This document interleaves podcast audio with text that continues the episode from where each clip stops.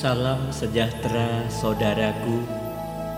Kita bertemu kembali melalui sapaan malam. Ada berkat Tuhan untuk kita. Firman Tuhan yang akan memberi kekuatan. Saudara, keberhasilan itu tergantung pada persiapan sebelumnya. Di heningnya malam ini di masa Advent, marilah kita menyediakan diri kita untuk disapa melalui firman Tuhan.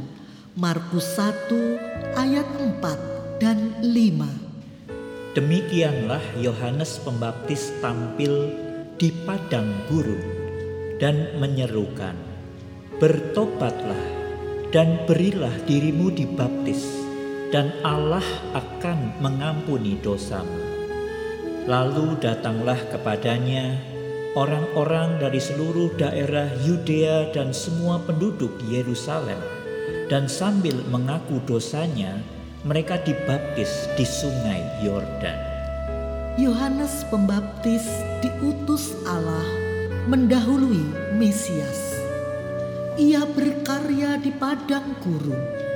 Yohanes Pembaptis adalah suara yang berseru-seru di padang gurun dengan pesan bertobatlah.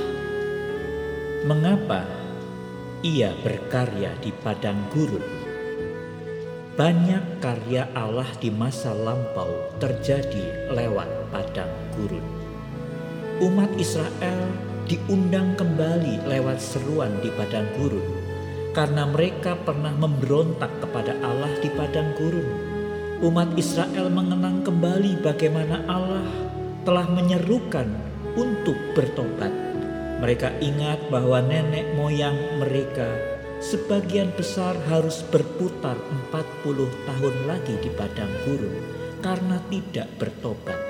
Hanya sedikit yang hidup setia pada Tuhan dan boleh langsung masuk Kanaan. Melalui Yohanes Pembaptis, cukup banyak yang mendengar seruan dari padang gurun ini. Mereka yang datang dan bertobat mendapatkan pengampunan dosa dan dibaptiskan. Bagi siapa pun yang sedia bertobat, pengampunan Allah telah tersedia dan akan diberikan. Saat itu, Yohanes melakukan baptisannya di Sungai Yordan. Hari ini kita berefleksi Apakah melalui masa Advent kita adalah gereja yang menantikan kedatangan Tuhan kedua kali? Apakah kita juga menantikan dengan benar yang kita terapkan lewat persiapan perayaan kembali kedatangan yang pertama melalui Natal? Apakah seruan dari padang gurun ini telah kita dengar dan telah kita sambut dengan kesediaan hati untuk hidup dalam kebenaran. Apakah kita sedia melepaskan diri dari jerat dosa dan percaya kita hanya kepada Kristus? Masa-masa penantian kedatangan Tuhan perlu diisi dan dijalani dengan hidup di dalam pertobatan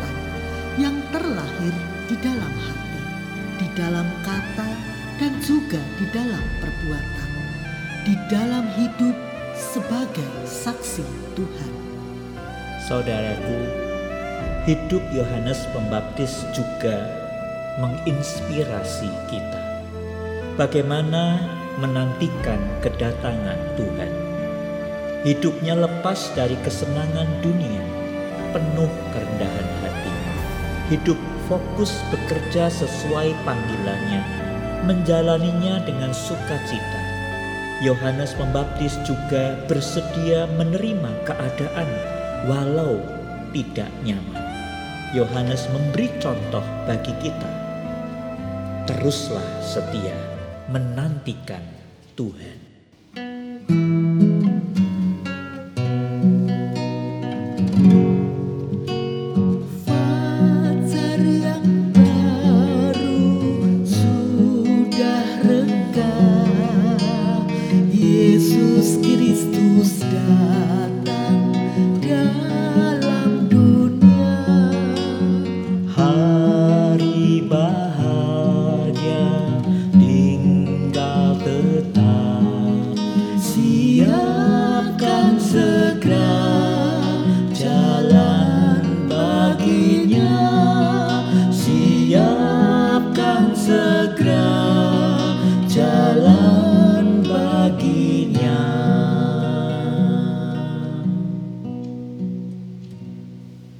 Marilah kita berdoa.